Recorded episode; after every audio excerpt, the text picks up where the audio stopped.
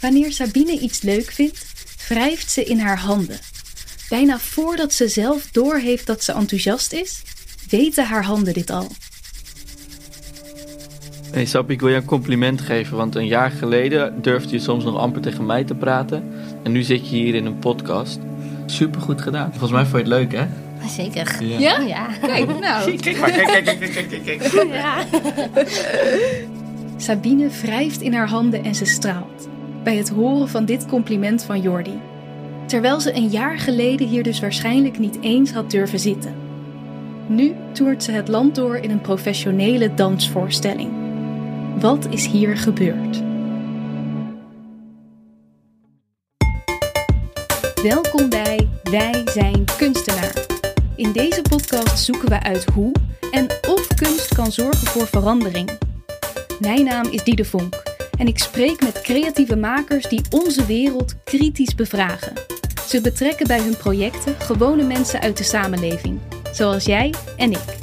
En voor mij is dat inclusie. Dat we dus allerlei verschillende soorten mensen hebben staan op plekken waar het er niet toe doet hoe je eruit ziet of wie je bent. Ja, en ik voel me echt alles behalve beperkt op dat podium. Is het een illusie om te denken dat kunst echt iets kan veranderen? Of maken deze projecten daadwerkelijk verschil voor de makers, deelnemers en de wereld om ons heen? Het klassieke beeld van wat een danser is. Een danser is dun, een danser is jong, een danser is lenig. Dat zijn allemaal rekbare begrippen, denk ik. En eh, dat is ook fluïde. Uiteindelijk gaat het erom dat er goede kunst gemaakt wordt. Het is bijna niet meer van deze tijd dat je zegt van ik sluit daar bepaalde mensen bij uit. Of het is niet van deze tijd, het is eigenlijk van nooit geweest. De initiatieven waarover je zult horen hebben steun gekregen van het Vriendenloterijfonds. Ik hoop dat de makers en deelnemers van deze projecten me kunnen leren hoe we onze maatschappij beter en mooier maken. Je hoort het in Wij zijn kunstenaar. Wie wordt er nou gerepresenteerd in dat perfecte lichaam? Dat is maar een heel klein percentage van de wereldbevolking die in dat perfecte lichaam van de danser of een fotomodel of een knappe bodybuilder past. Ik ben uh, Adriaan Lutijn. Uh, ik ben uh, op dit moment uh, artistiek initiator bij Introdans en choreograaf. Ik ben vooral iemand die creëert voor dit bedrijf. Dus mijn opdracht is om projecten te bedenken, maar ook te initiëren en ook te choreograferen. Waarbij we juist dat interactieve van Introdans ja, naar voren brengen. Dus je ziet mij veel op het sociaal-maatschappelijke vlak, maar je ziet ook producties van mij waarbij ik dus andere dansers dan onze gebruikelijke dansers uitnodig om met ons te komen optreden. En daar producties voor maken of meemaken of laat maken. Over zo'n productie gaan we het vandaag hebben. Ik ben namelijk te gast bij Introdans, het bekende balletgezelschap uit Arnhem met nationaal en internationaal bereik van modern repertoire. Van 25 mei tot en met 15 juni spelen zij de voorstelling Hub Club 23. Bij deze voorstelling gaan tien choreografen aan het werk met de dansers van Introdans, plus een inclusieve groep gastdansers uit verschillende werelden. En de Hub Club, even heel kort, is eigenlijk een nachtclub waar je naartoe gaat als publiek. Waar je gaat kijken naar een, een keur aan dansacts die gemaakt zijn met dus die hele brede cast van dansers. Gemaakt door hele interessante choreografen die daar al mee bezig zijn. Of die geïnteresseerd zijn in het inclusieve werken, want daar komt het uiteindelijk op neer. We hebben dansers uit uh, voging en wacking scene, uit de hip-hop scene. We hebben oudere dansers. We hebben gastdansers van Compagnie 21, waar dus dansers met een verstandelijke beperking dansen. We hebben uh, mensen die fysiek anders zijn. En dan heb je dus de moderne klassieke dansers van Introdans. Het is niet een, een soort amateurshow, om het even zo te zeggen. Maar het is echt een volwaardige introdansproductie. Dus je gaat ook professionele dansers zien. Hub Club 23 is dus een voorstelling die zich afspeelt in een zinderende nachtclub. Vol met dans en ontmoetingen tussen verschillende soorten dansers. Misschien denk je nu, hoe werkt dat? Kan iemand met een beperking een professionele danser zijn? Dat kan dus. Zoals Sabine, die je eerder al even hoorde. Ze heeft het syndroom van Down, maar traint bij theaterwerkplaats Tiuri vier dagen in de week aan theater en dans. Ik uh, ben Sabine van Riel. En voor de rest uh, vind ik het super uh, leuk om mee te doen. Omdat dat, dat ik allemaal dingen heb mogen meemaken en dat soort dingen. mijn naam is Jordi Dik. Um, ik ben een choreograaf. Ik ben ook huischoreograaf van Company 21. dat is een tussen aanhalingstekens inclusief reisgezelschap van Theaterwerkplaats Tiuri. Uh, en in die hoedanigheid ben ik ook hier samen met uh, Sabine uh, op bezoek bij Introdans om een, om een nieuw duet te maken voor Hub Club 23. in principe werken mensen bij ons minimaal drie dagen. Uh, sommigen dus vijf dagen. En nou, we hebben spelers die er al 17, 18 jaar zitten. Die ook vijf dagen per week werken. Dus ik, ik maak ook altijd gekscherend. Maar het is gewoon de waarheid. een grap, ze hebben veel meer ervaring dan ik heb. Maar niet iedereen met een mentale of fysieke uitdaging kan bij een opleiding terecht. Hoe Eva Eickhout, presentatrice bij BNN-Vara bij Introdans terechtkwam, hoor je straks. Eerst wil ik graag weten hoe het voor Adriaan begonnen is. Hij maakt al meer dan twintig jaar lang inclusieve dansvoorstellingen onder de naam De Ontmoeting. Hoe begon deze interesse voor hem?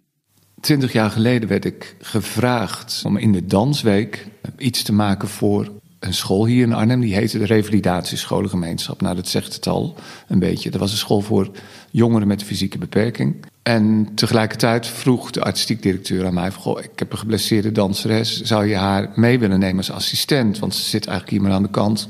Vind je dat leuk uh, ze jou komt helpen? Ik zei: Dat is hartstikke leuk. En op een gegeven moment zag ik haar dus op een rolstoel klauteren, achter op een rolstoel van een, een jonge vrouw waar ze mee aan het dansen was omdat die vrouw dat vroeg, van laten we samen iets bedenken. En ehm, daar gebeurde iets mee. Dat was, het was een, hele bijzondere, een heel bijzonder moment. En iedereen die erbij was, die zag het ook van... God, wat is dat nou? Die twee dansen maakten een enorme connectie. En ik denk dat daar een beetje de kern heeft gelegen. Dat was een beetje het prille begin daarvan. En wat ik vond toen ik dus voor het eerst twee groepen dansers in elkaar mengde, die dus qua bloedgroep als dansers zo verschillend zijn, voelde ik van, ik, ik word heel erg gelukkig van het botsen van die werelden. Want dat leverde gelijk heel veel energie op en heel veel inspiratie voor stukken die ik aan het maken was. Het, het, gewoon het kale gegeven dat twee mensen die zo verschillend van elkaar zijn, zo mooi connecten als ze er maar een beetje moeite voor doen. Daar werd ik blij van en daar word ik nog steeds heel blij van. Dat is ook wat er nu al. Ik heb de repetities van de Hubclub gezien en ik heb een stuk gemaakt, waanzinnig leuk, eh, voor Eva Eickhout en Debbie Ruiter. En Eva is een heel kleine vrouw en Debbie is een, eh, een voging en een danseres van het allerhoogste niveau. Dat komt bij elkaar. Nou, ik, ik vind het geweldig wat er dan gebeurt. Wat daar, eh, hoe ze zelf de bruggen gaan slaan naar elkaar toe. Hoe ze fysiek elkaar opzoeken. Nou ja, Eva Eickhout is uh, presentatrice bij BNN-Vara... en is een eigen podcastmaker en heeft haar eigen video's, series... waar ze mee uh, allemaal leuke dingen doet. Ik heb haar uitgenodigd toen om een stuk te maken. Dat hebben we gedaan in de coronatijd. Proforma. En toen bleek dat zij een danser was. Maar dat is iets wat natuurlijk haar niet voor de voeten geworpen is. Nooit.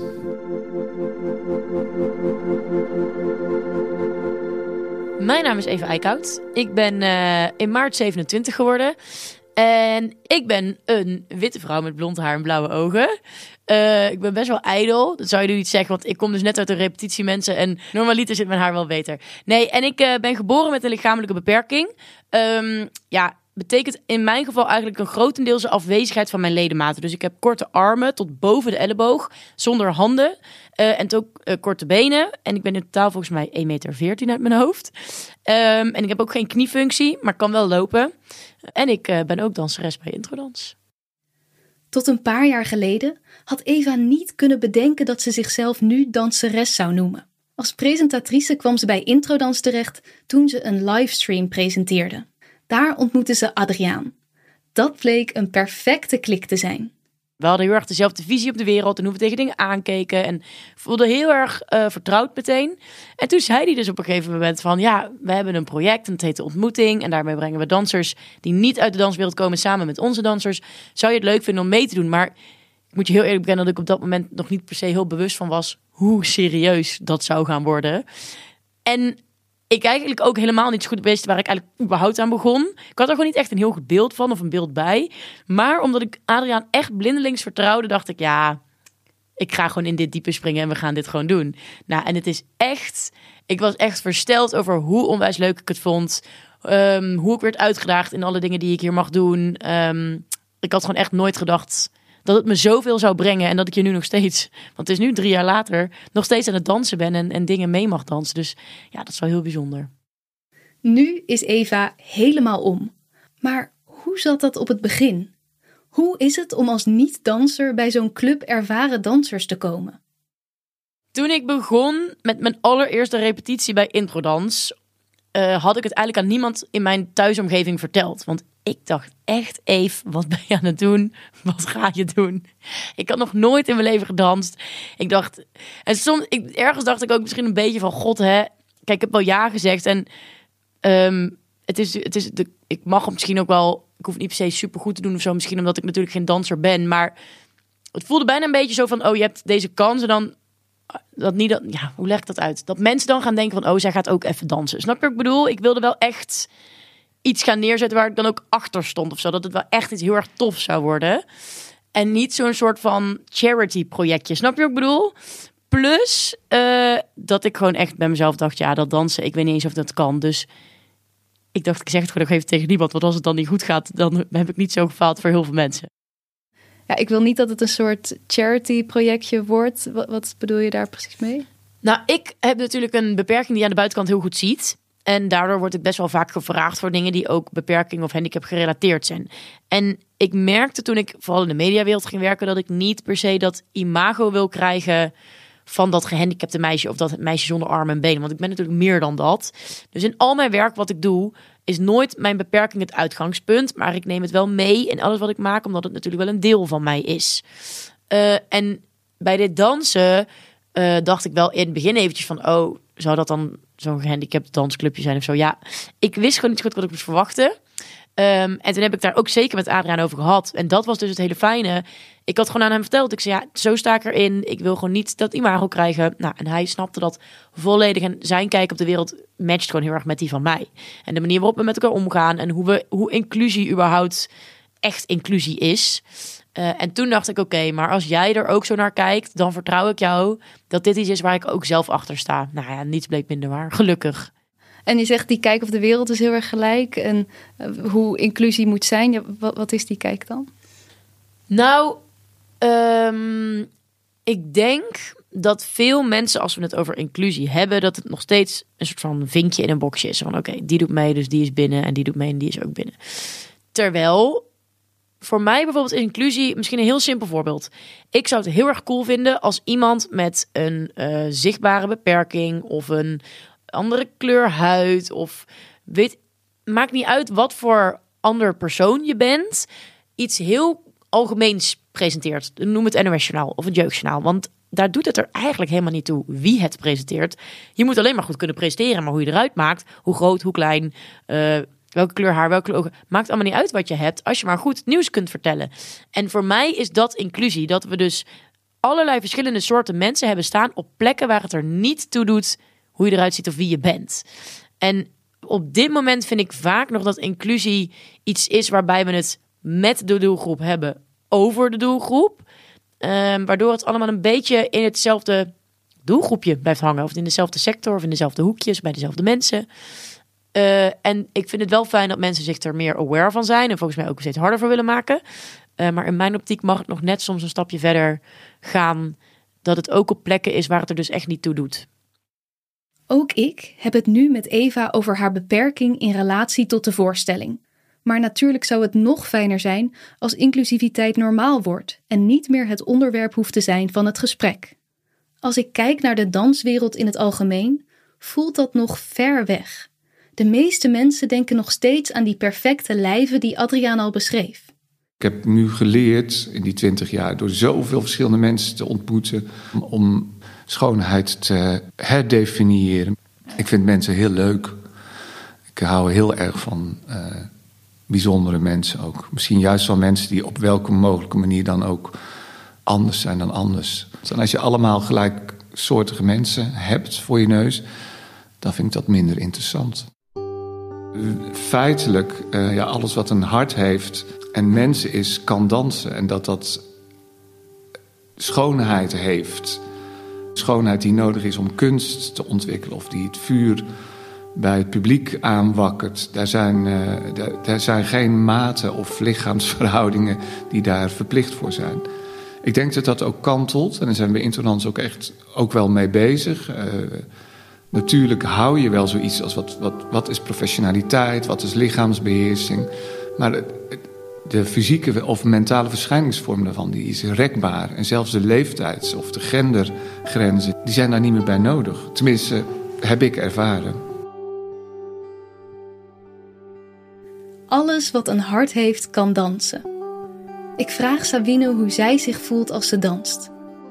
Ik vind het eigenlijk wel uh, heel erg bijzonder en uniek eigenlijk.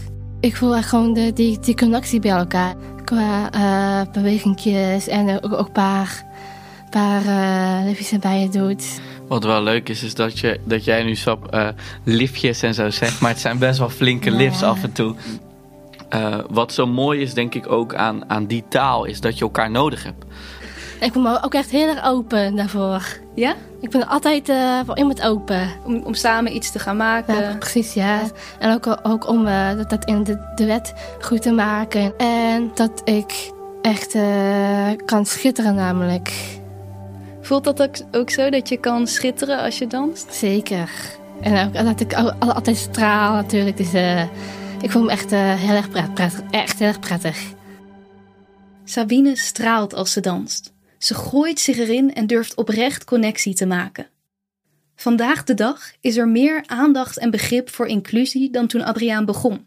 Zo'n 15 jaar geleden maakte hij een voorstelling met ballerina's van boven de 75 jaar. Dat kreeg gemixte reacties. Tenen krommend vonden sommige mensen het om te moeten kijken naar die oude lijven. Ik kan me er niks bij voorstellen. Maar ook nu, als ik enthousiast in mijn omgeving vertel over Hub Club 23, krijg ik wisselende reacties. Iemand vraagt of het ook niet een soort voyeurisme wordt. Dat kijken naar andere soorten mensen en lichamen. Ja, in de meeste van de ontmoetingen reken ik in de eerste vijf minuten af met voyeurisme.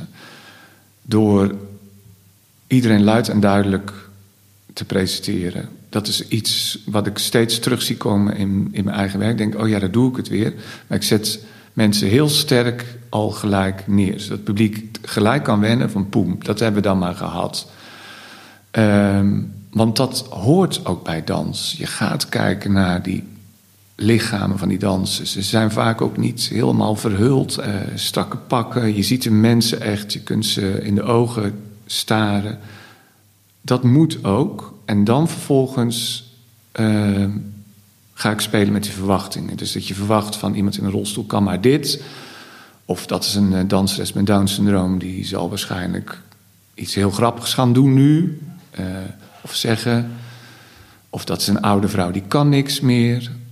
en dan ga ik daarmee spelen. En ik denk dat dat is het voyeurisme voorbij gaan.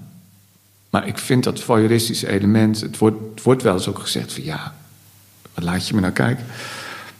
Ik vind het ook een heel interessant element om te gebruiken. Kijk ook maar, want zo wennen we aan elkaar. Dit is de maatschappij. We zijn verschillend en uh, als ik het wegstop, dan weet jij niet dat dat zo is. Ja, wen er maar aan, denk ik dan. Zo zit de wereld in elkaar. Dit is de wereld. We zijn allemaal verschillend en we hebben allemaal onze eigen bewuste of onbewuste vooroordelen. Ook binnen de dansgroep kwam dit nog wel eens voor.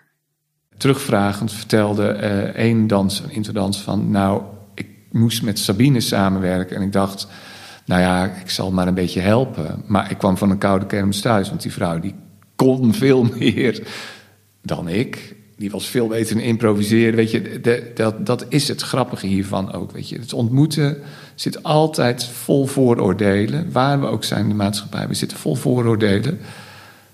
Dat is ook niet erg, hè? Laten we ook daar niet moeilijk over doen. Het, het moet ook wel om jezelf op een of andere manier veilig te stellen. Maar ik vind het, wat wij doen bij Interdans, probeer ik ook juist die vooroordelen een beetje te, te onthullen. Een beetje mee te spelen ook. Maar ook gewoon te laten zien van, goh, hoe mooi is het eigenlijk als je juist met heel veel soorten mensen bij elkaar komt. Ja, het is misschien een utopie, maar het is wel heel erg mooi. En het is ook wel zoals de maatschappij is. De woorden van Adriaan laten me nadenken over mijn eigen vooroordelen. Behandel ik verschillende mensen anders? Neem ik Sabine wel serieus genoeg? Als ik gelijk op het begin van deze aflevering benadruk hoe knap het wel niet is welke stappen ze heeft gezet? Jordi maakt een duet met Sabine en Mark, een danser van introdans. Hoe is het voor hem om met deze verschillende dansers te werken? Benadert hij ze anders? Hmm, wat wil ik antwoorden nu? Ehm, nou, mijn vraag zou, en dat bedoel ik helemaal niet stom, maar gelijk spiegelend zijn. Is er voor jou nu een verschil met mij te praten of met Sabine? Ehm, ergens nee en ergens ja. Als in, ja, iedereen is anders, weet je wel. Zou hier nu uh, een, uh, een mevrouw van 75 zitten, dan zou, dan zou je misschien ineens u zeggen. Als in, we zijn gewoon allemaal anders. En uh, als je dat eenmaal begrijpt dat we toch verschillen, dan, dan zijn we allemaal verschillend en dus daarin hetzelfde. Dus voor, mij, voor mij zit er niet zoveel verschil in. Um, met dienstverstanden dat ik dit ook al wel jaren doe en dit gewoon mijn lievelingswerk is. Dus voor mij is het eigenlijk heel simpel. De dans uh, is altijd ondergeschikt aan de mens. Um, dus er is een soort van regel bij ons, uh, ongeschreven regel, dat als iets niet goed voelt, halen we het eruit. En dat betekent dus ook dat de, dat de creatiemethodes uh, dat die vanuit co-creatie zijn. Dus we maken veel samen. Um, en de ene keer verzin ik wat en de andere keer verzinnen zij wat. En ja, dat proberen we zo organisch mogelijk te houden. Co-creatie dus. Echt samen een voorstelling maken. Maar hoe doe je dit in een repetitieproces met allemaal verschillende soorten dansers? En hoe zorg je dat iedereen zich daar veilig voelt? Zeker als de ontmoetingen beginnen, dan heb ik een koffertje, figuurlijk koffertje met allerlei uitdagende dingen waarmee ik mensen uit die werelden uh, naar voren laat treden, of misschien tegen elkaar laat aanbotsen, om zo snel mogelijk die connectie te krijgen, om te kijken van hoe ver kan je gaan. Want ik geloof heilig in samenwerking. Dat zijn uh, uh, bijvoorbeeld opdrachten. wat ik heel vaak doe, is in een eerste sessie hele simpele bewegingsopdrachten waarbij mensen elkaar moeten spiegelen, bijvoorbeeld qua, qua dansbewegingen.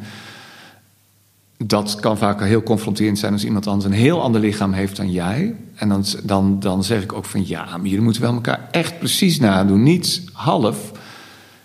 Ja, maar uh, ik ben niet zo goed als die dans voor internatie. Maar je kunt het toch proberen om er zoveel mogelijk op te lijken. Of iemand met cerebrale parese uh, nadoen. Dat wordt ook als heel onsmakelijk gezien. Maar het is ook tevens een hele goede uitdaging om iemand te, te, te leren kennen hoe zijn, zijn lichaam werkt. Uh, uh, dat doe ik dus heel vaak. En daarnaast laat ik ze ook vaak fysiek met elkaar werken. Dus we gaan, we gaan kijken of we liften kunnen bedenken op elkaar kunnen leunen. Waar zit je kracht? Kun je iemand ondersteunen? En laat ze improviseren. Waarmee je zoveel mogelijk elkaar leert kennen. En die repetities waren mega zwaar oprecht. Het was, ik had spierpijn aan het begin, nou, niet normaal. En ik had ook overal blauwe plekken. Maar het is gewoon zo dat je in het leven, of in de maatschappij waar we in leven, als je een beperking hebt, word je niet zo heel snel uitgedaagd omdat mensen eigenlijk vaak denken dat je iets niet kan. Waardoor je al helemaal niet wordt gevraagd om iets wel te doen. En Adriaan is de opposite. Gewoon, die staat dan gewoon te kijken en die zegt gewoon... oké, ik wil dat je zus en zo of dit of dat doet. Ik ga even een kopje koffie halen, als ik zo terugkom, dan, uh, dan kun je het. En ik dacht echt... Meent hij dit nou? Ik ben pas net begonnen. Maar ik vond het echt ook juist super fijn en heel erg cool om zo uitgedaagd te worden, omdat ik dat dus normaal niet werd. Dus dat, vond, dat was in het begin heel zwaar en heel leuk. Dus dat was zo'n gekke mix. En soms dacht ik ook echt, van een stomme choreografie en wat een dom idee heeft hij nou weer bedacht. Het gaat toch nooit lukken, dacht ik dan. Totdat het wel lukt. En dat vind ik ook het hele leuke aan dansen. Je bent echt jezelf aan het verrassen in de dingen die je kunt. Dus er worden choreografieën bedacht waarvan ik al een paar keer dacht, nu ook weer, dat ik ja, dacht van jeetje ik weet niet of het gaat lukken. En ik vind het wel heel zwaar of het wel heel moeilijk. Totdat het gewoon ineens wel lukt. En dan lukt het steeds beter en beter en beter. En nu denk ik echt van jeetje, dat ik daar toen zo onzeker over was. Als het maar helder is wat je doet, als het maar respectvol is en als het maar veilig is. Dus naast het duwen en uh, stimuleren van, van uh, het elkaar ontmoeten, zeg ik ook altijd: ik duw je wel in een zwembad, maar ik stop je ook helemaal vol met allerlei reddingsboeien en bandjes om je armen en alles. Het is ook veilig, het is ook prettig. En echt hoor, ik ben ervan overtuigd dat het is ook een menselijk mechanisme om te tutten en om te verzorgen. En daar ben ik ja, redelijk voor op mijn hoede. Er mogen nooit zorgverleners bij mij aan de kant zitten als ik maak ook. Uh, ik zeg wel van, ik vind het heel fijn dat je er bent. En als er iets is, dan weet ik je ook te vinden. Maar ga lekker boven even koffie drinken. Uh, we gaan het gewoon proberen. En als het niet lukt, dan mag jij komen. En echt waar, in tien van de tien keer lukt het ook. Over zwembaden gesproken. Ik vraag Eva wat zij zo fijn vindt aan moderne dans. En ze vertelt over haar liefde voor dans aan de hand van haar ervaring met zwemmen. Nou, ik heb dus vroeger uh, best wel lang gezwommen. En op een gegeven moment ging ik ook op uh, wedstrijdniveau zwemmen. En ging dus ook wedstrijden zwemmen. Nou, ik denk dat ik in mijn leven drie wedstrijden heb gezwommen. Uh, want ik vond het gewoon vreselijk. Als in, ik stond op dat startblok en dan moest ik echt bijna overgeven van de zenuwen. En ik voelde me gewoon alles behalve gelijkwaardig aan de andere zwemmers. Want er zijn bijna geen mensen met dezelfde beperking als dat ik heb. Dus het was sowieso vaak lastig om echt een equal tegenstander te vinden. Een gelijkwaardige tegenstander. En ik voelde me gewoon... Ja, ik voelde me gewoon heel erg naakt en bekeken. Alsof iedereen dan dacht van... Ach, kijk, zij kan ook zwemmen. Ja, dat haat ik. En hier bij de moderne dans en de duetten die we maken en de choreografie die we allemaal doen, sta je en voor mijn gevoel, ik tenminste, veel meer in mijn kracht. Um, ik ben veel gelijkwaardiger aan de andere dansers, want waar ik hun tijdens dans nodig heb, hebben zij mij ook nodig. Dus het is meteen veel meer gelijkwaardig, um, wat mij een veel comfortabeler en veilig gevoel geeft. Ja, en ik voel me echt alles behalve beperkt op dat podium en, en tijdens het dansen. Ook Sabine is trots op wat ze doet bij Introdans. En niet alleen voor zichzelf, maar ook voor haar familie. Onlangs verloor ze haar opa. Met tranen in haar ogen vertelt ze wat het dansen voor haar doet. En nou uh, is mijn oma alleen. En dat mijn opa nog daarboven is. Hmm. Maar inderdaad, mijn opa zou ook echt heel erg trots zijn op mij laat. Dat ik het echt mogen, mogen gaan doen natuurlijk. Dat ik echt, echt ook voor hem straal. Hmm. Echt, dat is echt, echt, echt super lief. Je doet het een beetje voor hem ook? Ja, dat ook, ja. En komt oma wel kijken? Ja, zeker. Hm. Wat, wat denk ik zo mooi is, en dat horen wij ook wel eens als we op tour zijn, want ik doe vaak nu nog een, een nagesprek. En wat we dan wel meer dan eens al hebben gehoord, is dat mensen zeggen: ja, wij hebben ook een kind met bijvoorbeeld het syndroom van Down. En we hebben nooit gedacht dat zij uh, dit zouden kunnen. En wat eigenlijk nu Sabine zegt, of wat ik hoor door de woorden heen is. Ze mogen trots op me zijn, mijn familie. En zo'n familie heeft natuurlijk heel veel, heel veel lief. Maar ook wel wat leed uh, in, in zo'n leven. En dat heeft wellicht elke ouder met elk kind. Um, maar ook natuurlijk zorgen, weet je wel. Van wat als ik er ooit niet meer ben. En hoe gaat het dan met ze? En ik denk dat het nu zo mooi is dat de mensen die met ons op op reis zijn. die slapen in hotels, soms de eerste keer in een hotel. Maar die raken gewend aan heel veel zelfstandigheid. Dus het is niet alleen, uh, het is niet alleen op het toneel staan of repeteren. Uh, maar Sabine, die, nou, die moet soms twee uur heen en twee uur terugreizen. Alleen al hier. Die is dus op pad met dan uh, Yara, onze access worker. Um, ze staat hier dan drie, vier uur te repeteren, maar straks in Apeldoorn te, te performen. En ja, ze is gewoon daadwerkelijk volledig in de wereld actief. En als inspiratie voor mensen op het toneel. En uh, nou, dat maakt mij ook heel trots. En ik kan me zo voorstellen, en dat weet ik van de achterban, dat dat iets is wat, uh, ja, wat moeilijk in woorden te vatten is uh, als je dat bij je kind ziet.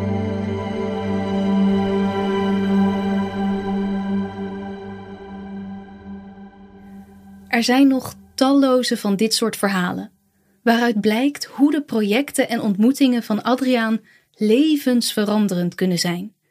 Mensen die na jaren weer vertrouwen in hun lichaam krijgen, of eindelijk zichzelf durven te laten zien. Maar laat ik wel heel erg vooropstellen dat dat niet is waarom ik het doe. Ik doe het echt omdat het me boeit om met die mensen theater te maken. En dat ik misschien zo ijdel ben om te denken dat het anderen ook boeit. Om zoveel mooie en verschillende mensen op toneel te zien. En dat het een therapeutische bijwerking heeft voor sommige mensen. Of dat het louterend is. Dat is heel mooi. Maar dat is, ja, dat is als theatermaker voor mij niet het allerbelangrijkste. Wat is wel het belangrijkste? Dat er een heel goed product komt, vind ik heel belangrijk. Dat er een, uh, een mooie productie staat. Dat het publiek meegenomen wordt. Dat je een, een, een esthetische of een artistieke ervaring krijgt. Dat je hart geraakt wordt. Dat is voor mij heel belangrijk. Misschien is dat ook wel waarom iedereen zo graag meedoet. Het gaat niet om jou of om je beperking. Het gaat om samen een zo goed mogelijk eindproduct neer te zetten. Maar zouden dan niet alle gezelschappen inclusief kunnen werken? Ja, ik zou het gewoon heel erg tof vinden als mensen deze vorm van kunst, want dat is het natuurlijk ook wel echt, gaan zien als iets wat iedereen volgens mij sowieso in zich heeft. Uh, en dat ze zich beseffen dat het dus echt niet uitmaakt in wat voor lijf of wereld of wiegje je geboren bent. Maar dat we echt allemaal kunnen dansen. En dat we het ook echt allemaal uh, in ons hebben om daarmee een verhaal te vertellen. Ook al zijn er drie mensen in de zaal. Als er één iemand in de zaal die hierdoor anders tegen dit soort dans gaat aankijken, tegen andere lichamen gaat aankijken, dan hebben we al gewonnen. Dus vanuit die gedachtegang zou ik er 100% achter staan dat alle soorten gezelschappen, alle soorten mensen binnenhalen. Of nee, eigenlijk niemand buitensluiten. Er zijn nog veel stappen te zetten op het gebied van inclusie. Niet alleen mensen niet buitensluiten, maar ook actief faciliteren dat mensen mee kunnen doen. Bij Introdans kunnen daar ook nog stappen gezet worden, vertelt Eva me. Zo zijn er bijvoorbeeld geen invalide toiletten en zijn de studio's niet goed bereikbaar voor dansers met een beperking. Daar gaat hopelijk gauw verandering in komen. Tot slot ben ik benieuwd welke veranderingen er al wel zijn gekomen door de Hubclub en door de andere ontmoetingen van Adriaan. Binnen de danskunst denk ik dat de introdans een bijdrage levert, en best wel behoorlijke bijdrage ook aan het inclusief denken of het geïntegreerd denken over het maken van producties. En uh, dat heeft het publiek in die twintig jaar dat ik die ontmoetingen doe, heeft daaraan moeten wennen. Hè, wat ik zei, van tenen krommend met de oude vrouwen op het toneel tot ik ben zo ontroerd en het is zo bijzonder om dit te zien. Of wat was dat een prachtig stuk. Dat zijn ontwikkelingen die gaande zijn en die moeten nog, die moeten nog door. En door is dat het natuurlijk wordt, laat ik het zo zeggen. Kunst is bij uitstek een voertuig voor veranderingen, omdat het uh, mensen op hun gevoel aanspreekt en op hun uh, rationaliteit bevraagt en, en, en, en wakker schudt en misschien ook af en toe licht choqueert. Dus ik denk dat kunst een heel goed een middel is om, om verandering in gang te zetten. We veranderen de wereld door, denk ik, heel erg te doen waarin we in onze kracht staan. Op een manier waarop we gelijkwaardig zijn aan elkaar. En uh, worden uitgedaagd op een manier waarop we dat dus niet altijd worden. En dat vervolgens laten zien aan het grotere publiek. Ja, het werpt zijn vruchten af. En uh, nou, ze, spelen, ze spelen de theaters plat vanuit uh, al die eerlijkheid en oprechtheid... die blijkbaar de samenleving en onze sector meer nodig had dan, dan wij misschien ook nog wel wisten.